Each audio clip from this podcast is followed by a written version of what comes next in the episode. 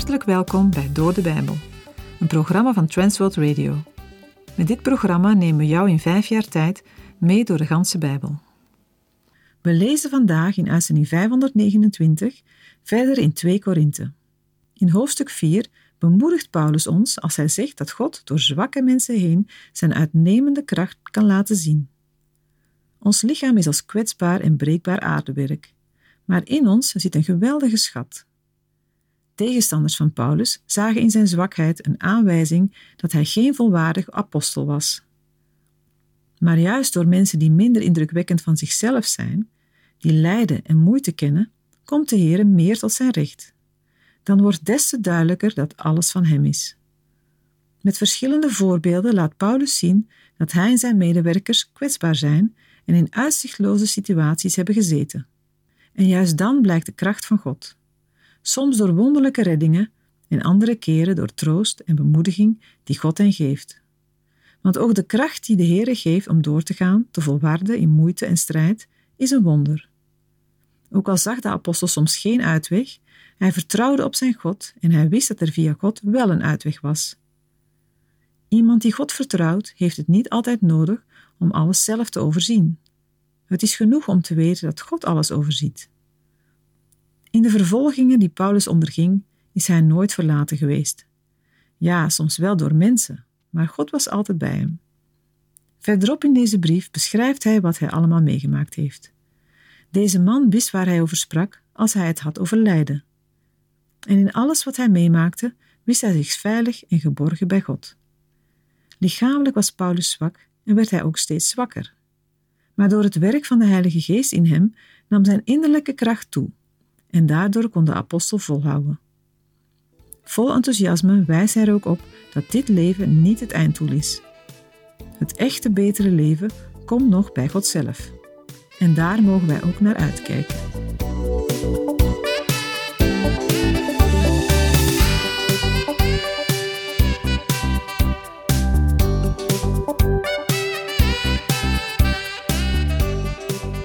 2 Korinthe 5 gaat de apostel Paulus verder met zijn uitleg over de dingen die nu nog niet zichtbaar zijn, maar eeuwig zullen blijven.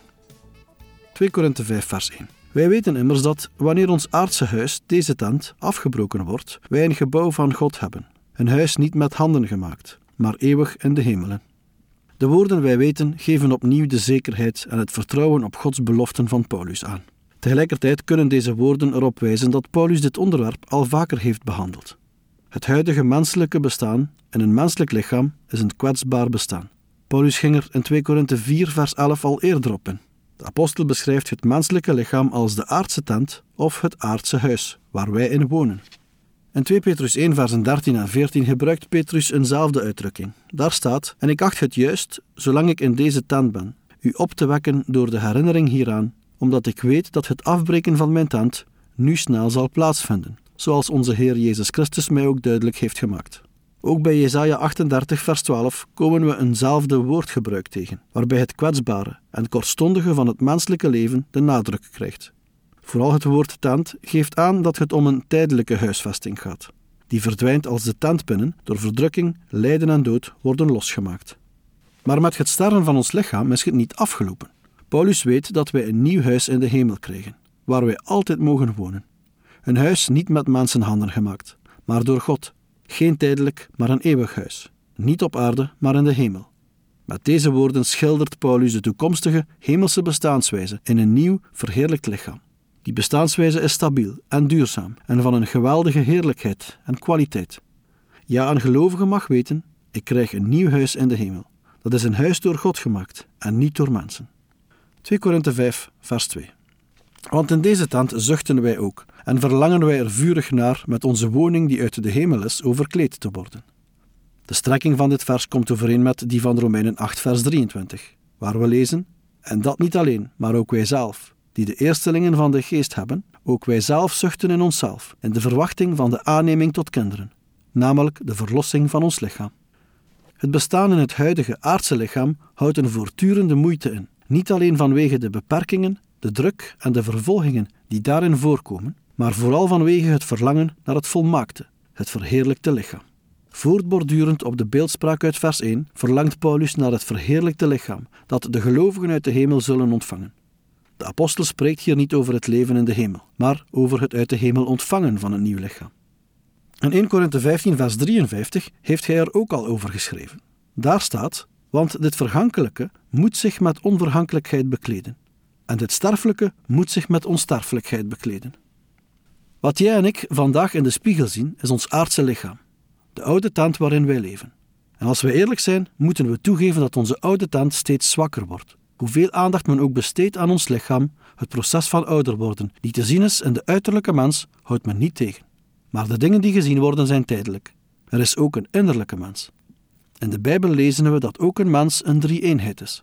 Paulus schrijft in 1 Thessalonicenzen 5 vers 23 En mogen de God van de vrede zelf u geheel en al heiligen, en mogen uw geheel oprechte geest, de ziel en het lichaam onberispelijk bewaard worden bij de komst van onze Heer Jezus Christus. Bij de natuurlijke dood van een mens treedt er een scheiding op tussen lichaam, geest en ziel. Maar als het lichaam van een mens wordt begraven, dan verlangen wij er vurig naar met onze woning die uit de hemel is overkleed te worden. Maar mensen die niet naar de Heere willen luisteren en niet bij Hem willen horen, komen ook niet bij Hem in de hemel, maar zullen bij het eindoordeel voor de grote witte troon de dingen moeten verantwoorden die ze wel of niet hebben gedaan. In plaats van de gelovigen is Jezus Christus geoordeeld en Hij heeft alles volbracht. Daarom is een gelovige in Christus vrij van het oordeel, op grond van het lijden, sterven en de opstanding van Jezus Christus. Wij ervaren nu nog wel allerlei moeilijkheden, maar kijken met verlangen uit naar de dag dat wij een hemels lichaam krijgen. En dat zullen aantrekken zoals je nieuwe kleren aantrekt. 2 Korinthe 5 vers 3 Als wij maar bekleed en niet naakt zullen bevonden worden. Alleen als de bekleding met de woning uit de hemel plaatsvindt, zullen wij niet naakt worden bevonden. Dat betekent niet zonder lichaam zijn. Daarmee verwijst Paulus aan het verheerlijkte lichaam dat de gelovigen in de toekomst zullen ontvangen. Tegelijkertijd zijn de woorden van de apostel een waarschuwing aan het adres van de Grieks georiënteerde dwaalleraars in Korinthe, die niets van een toekomstig opstandingslichaam wilden weten, maar alleen geloofden in een vereniging van de naakte ziel met God. Dat wil zeggen, de ziel zonder lichaam. In Romeinen 5, vers 24 schrijft de apostel waarom de Heer Jezus voor onze zonden moest sterven en uit de dood weer opstaan, om ons rechtvaardig te verklaren. Maar er zijn mensen die zijn verzoeningswerk tot rechtvaardiging niet hebben aangenomen. Zij hebben Christus verworpen of afgewezen. Daarom is er niet alleen een opstanding van de rechtvaardigen, lees gelovigen in Christus, maar ook van onrechtvaardigen. Tegen gouverneur Felix zei Paulus hierover in Handelingen 24, vers 15 het volgende: Ik heb hoop op God. Zij zelf verwachten het ook, dat er een opstanding van de doden zal zijn van zowel rechtvaardigen als onrechtvaardigen. De Heer Jezus zei hetzelfde in Johannes 5, versen 28 en 29. Daar staat: Verwonder u daar niet over, want de tijd komt waarin allen die in de graven zijn, zijn stem zullen horen. En zij zullen eruit gaan. Zij die het goede gedaan hebben, tot de opstanding ten leven, maar zij die het kwade gedaan hebben, tot de opstanding ter verdoemenis. Weet jij al bij welke groep je hoort? Zonder Jezus Christus hoort een mens bij de groep die op grond van wat er in de boeken van God staat geschreven, veroordeeld wordt. Als ik jou was, zou ik niet blijven wachten om te kijken of het misschien nog meevalt. 2 Korinthe 5 vers 4 want ook wij, die in deze tent zijn, zuchten terwijl we het zwaar te verduren hebben. Wij willen immers niet ontkleed, maar overkleed worden, zodat het sterfelijke door het leven wordt verslonden. In dit vers legt Paulus uit waarom hij het in dit aardse lichaam vaak moeilijk heeft en waardoor zijn moeite nog wordt verergerd. Al in vers 2 bleek dat de moeilijkheden geen uiting zijn van wanhoop of ontevredenheid, maar een uiting van verlangen naar de toekomstige verheerlijking. De moeite wordt verergerd door de kwetsbaarheid, de aanvechtingen en het met de dood bedreigd worden in het huidige lichaam. De apostel verlangt ernaar dat zijn oude lichaam in zijn nieuwe lichaam overgaat, zodat het sterfelijke door het leven wordt opgeslokt. Degenen die nog leven bij de komst van Christus moeten niet eerst de ervaring van het sterven meemaken. Hun oude lichaam wordt verslonden door het nieuwe. In een oogwenk zullen die gelovigen een nieuw lichaam krijgen, op het moment dat de laatste bazuin klinkt. In 1 Korinthe 15, vers 52 hebben we het volgende gelezen. Zie, ik vertel u een geheimenis. Wij zullen wel niet allen ontslapen, maar wij zullen allen veranderd worden. In een ondeelbaar ogenblik, in een oogwenk, bij de laatste bazuin. Immers, de bazuin zal klinken en de doden zullen als onvergankelijke mensen opgewekt worden. En ook wij zullen veranderd worden. 2 Korinthe 5 vers 5 Hij nu die ons hiervoor heeft gereed gemaakt, is God, die ons ook het onderpand van de geest gegeven heeft. Het onderpand van de Heilige Geest houdt in dat er nog meer zal volgen. De Heere heeft de gelovigen op aarde zijn Heilige Geest gegeven, in een zwak lichaam met allemaal gebreken en broosheid. Er komt een dag, dan zullen wij uit dit oude huis vertrekken en de Heere in de lucht ontmoeten. Een prachtig vooruitzicht en een heerlijke toekomst. 2 Korinthe 5, versen 6 en 7. We hebben dus altijd goede moed en weten dat wij, zolang wij in het lichaam inwonen, uitwonend zijn van de Heere. Want wij wandelen door geloof, niet door aanschouwen. De christelijke hoop geldt ondanks de omstandigheden en ervaringen van dit moment. Het vervolg van vers 6 beschrijft deze omstandigheden. Wij beseffen heel goed dat wij nog ver van ons hemelse huis verwijderd zijn, zolang we in ons lichaam leven. Met andere woorden, hier op aarde zien de gelovigen de Heer nog niet van aangezicht tot aangezicht en hebben zij nog geen deel aan zijn volle heerlijkheid. Maar door het geloof en niet door het zien weten wij dat dit waar is. Op dit moment is ook de komende heerlijkheid nog geen zichtbare werkelijkheid. Alleen door het geloof en door de inwoning van de Heilige Geest krijgen de gelovigen een eerste indruk van deze heerlijkheid. Daardoor weten zij dat dit waar is. 2 Korinthe 5, vers 8. Maar wij hebben goede moed, en wij hebben er meer behagen in om uit het lichaam uit te wonen en bij de Here in te wonen. De Heilige Geest bemoedigt de gelovigen met een uitzicht op de heerlijke toekomst, waartoe de Heere hen heeft bestemd. Het verlangen naar de verwerkelijking van die toekomstige heerlijkheid wordt daardoor steeds groter. Daarom zegt Paulus dat wij er naar uitzien om naar huis te gaan, naar de Heere. Paulus geeft de voorkeur aan het verblijf bij de Heere boven het verblijf in het lichaam. 2 Korinthe 5 vers 9 Daarom stellen wij er ook een eer in, het zij inwonend, het zij uitwonend, om hem wel behagelijk te zijn. Omdat de gelovigen goede moed houden en zij een verheerlijkt lichaam zullen krijgen, wil Paulus op de dag van de wederkomst doen wat de Heer wil. Het is namelijk belangrijk dat de beoordeling door de Heer positief uitvalt. Paulus doet zijn best om een bepaalde eer te verkrijgen. Het is te vergelijken met het streven naar een prijs in een bepaalde sport. Het hoogste doel van de apostel Paulus is dat hij er een eer in stelt om ambitieus voor de Heer te zijn. 2 Korinthe 5, vers 10. Want wij moeten allen voor de rechterstoel van Christus openbaar worden, opdat ieder vergelding ontvangt voor wat hij door middel van zijn lichaam gedaan heeft. Het zij goed, het zij kwaad. Niet zonder reden hecht Paulus er grote waarde aan om de Heere welgevallig te zijn, want wij zullen allemaal eens voor Christus rekenschap moeten afleggen. De rechterstoel is een vertaling van een Grieks woord dat ook stap, pas, podium en verhoging voor een rechter of een spreker betekent. Een verhoging of podium vinden we meermalen als plaats waar een rechter zitting houdt. Maar ook koning Herodes zat op een verhoging, vanaf waar hij het volk toesprak. Dit was de plaats waar de rechters van de stad de burgers ontmoetten en hen wegens bepaalde dingen oordeelden. Er was geen kwestie van leven of dood. Bij de rechterstoel van Christus zullen alleen gelovigen verschijnen. Het is niet een oordeel over de zonde van de gelovigen, die Christus volledig aan het kruis verzoende. Het oordeel is om te zien of jij en ik een beloning gaan ontvangen of niet. Als Paulus zegt dat wij allemaal eens rekenschap zullen moeten afleggen, denk er dan aan dat hij aan gelovigen schrijft. Wij gelovigen zullen allemaal geoordeeld worden, opdat we de dingen die in het lichaam zijn gedaan ontvangen. We zullen geoordeeld worden over de manier waarop we het christenleven leiden, hoe we in dit lichaam hebben geleefd hier beneden. Als we in Zijn aanwezigheid komen, zullen we met deze oude lichamen klaar zijn. De vraag die hij zal stellen is hoe we deze lichamen gebruikten. Hoe leefden we hier beneden? Paulus pakt deze vraag op als hij aan de Filippenzen schrijft.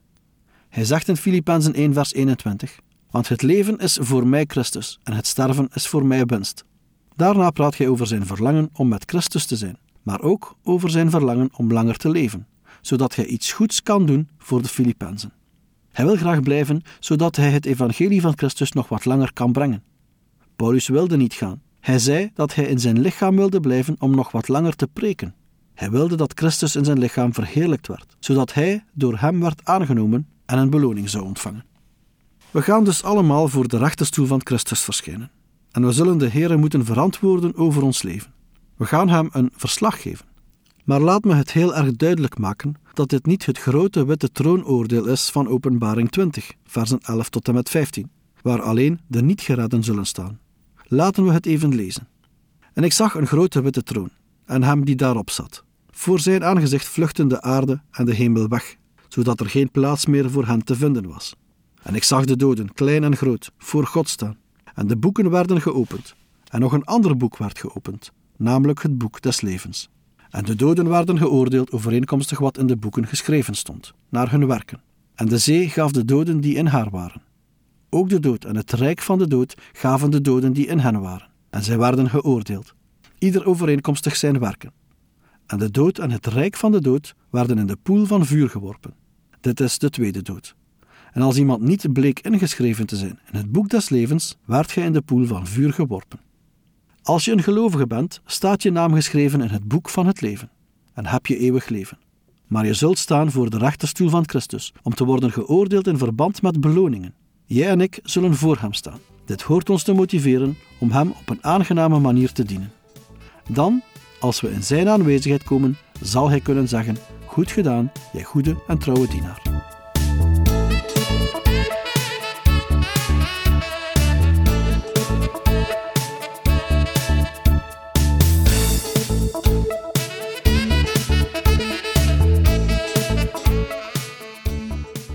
Heeft geluisterd naar Door de Bijbel, een programma waarin we in vijf jaar tijd de ganse Bijbel bespreken.